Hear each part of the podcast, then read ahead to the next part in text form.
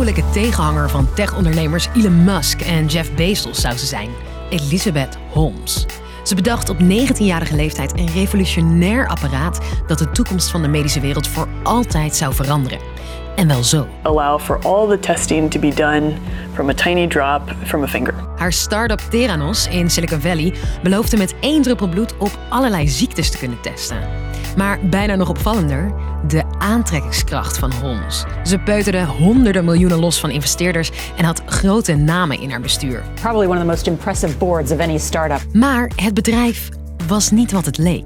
Ik ben Sophie en ik leg je uit wat de rol van deze Elizabeth Holmes is in wat nu een van de grootste fraudezaken in Amerika ooit is bevonden. Lang verhaal kort. Een podcast van NOS op 3 en 3FM.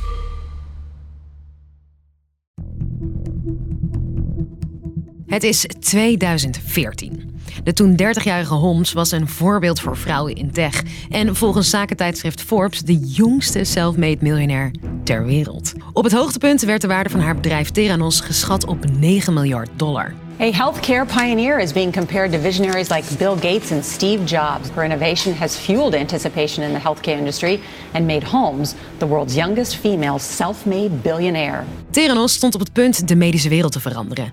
Met een klein kastje konden ze met één druppel bloed van de patiënt testen op tientallen aandoeningen: diabetes, kanker, verhoogd cholesterol. Holmes richtte het bedrijf op in 2003, toen ze stopte met haar studie. Binnen negen maanden haalde ze 6 miljoen dollar op bij financiers die als een blok vielen voor haar grote dromen. Silicon Valley had behoefte aan een frisse, jonge, vrouwelijke techpionier. You were the only woman up there with a lot of older white men. This is true. Yeah, it was. Om investeerders zover te krijgen, verpakte Holmes de belofte van haar bedrijf in een geolied marketingverhaal. Je hoort Stijn Bronswaar, journalist bij NRC, in gesprek met een van mijn collega's. Ze zei, ze had als, als negenjarig kind, had ze al een brief naar haar vader geschreven. En zei ze van, ik, papa, ik wil iets bedenken, iets uitvinden waarmee ik de wereld ga veranderen. En, en ze was als kind altijd doodsbang voor naalden. Goed, ze stond op zo'n podium dat verhaal te vertellen. Dat, dat doet het goed. Dat is waar investeerders voor gaan. Dus investeren in een soort belofte voor de toekomst. Ja, wat, wat heel erg fascinerend is, in Silicon Valley is, is een plek van fake it till you make it. Het is geen wetenschap. De rijken der aarde, zoals mediamagnaat Rupert Murdoch en de Amerikaanse minister van Buitenlandse Zaken Henry Kissinger, investeerden dik in haar bedrijf. I talked to Henry Kissinger, who said she is iron-willed about getting this done. En die waren onder de indruk van Holmes. Die, zo zeggen haar oud-medewerkers, haar stem veranderde om mee te kunnen doen in de tech-mannenwereld. Then all of a sudden, preventative testing can start to become possible. En die lage stem was niet het enige. Ze kleden zich ook in een zwarte kooltrui à la Steve Jobs. En ze viel sowieso op, zegt Bronswaar. Het zijn wel vrouwen die techbedrijven leiden, maar de oprichters zijn eigenlijk altijd mannen. Oprichters van Google, Airbnb, Uber. Dus dat er een keer een vrouw zo'n positie bereikte, was heel bijzonder. En wat je dan ziet is er een soort tunnelvisie ontstaat bij die investeerders. Dat iedereen eigenlijk wilde geloven in haar. En dat maakte haar val des te dramatischer. Want hoewel investeerders en talkshows enthousiast waren, reageerden wetenschappers namelijk sceptisch. Theranos had een prachtig verhaal, maar gaf nooit echt inzicht in onderzoeken. Holmes zei over de kritieken. Every time you create something new, there should be questions. En al snel bleken de resultaten onbetrouwbaar.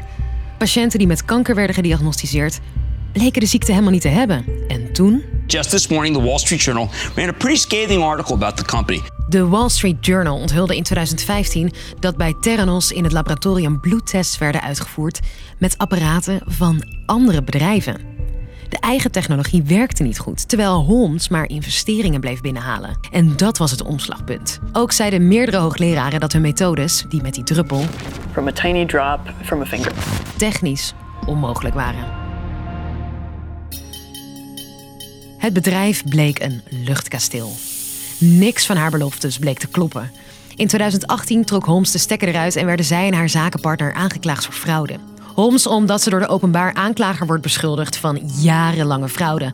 En met haar bedrijf zou ze investeerders, artsen en patiënten hebben bedrogen. Holmes omdat ze door de openbaar aanklager wordt beschuldigd van jarenlange fraude.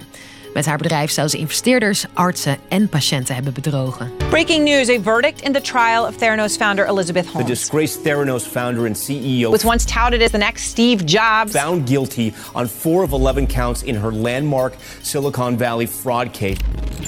En nu? De jury acht deels bewezen dat Holmes investeerders voor honderden miljoenen heeft opgelicht en patiënten in gevaar heeft gebracht met onnauwkeurige testresultaten. Haar straf? Waarschijnlijk 20 jaar cel. Dat hoort ze binnenkort. Dus, lang verhaal kort. Elizabeth Holmes, een paar jaar geleden nog de vrouwelijke belofte van de techwereld, is schuldig bevonden aan fraude. Haar bedrijf berustte grotendeels op gebakken lucht. Veel grote namen investeerden er miljoenen in. Het is een van de grootste fraudezaken in Amerika ooit. En haar sprookje is ten einde nu ze is veroordeeld. Morgen, rond de klok van vijf, zijn we er natuurlijk weer. Bedankt voor het luisteren en tot dan.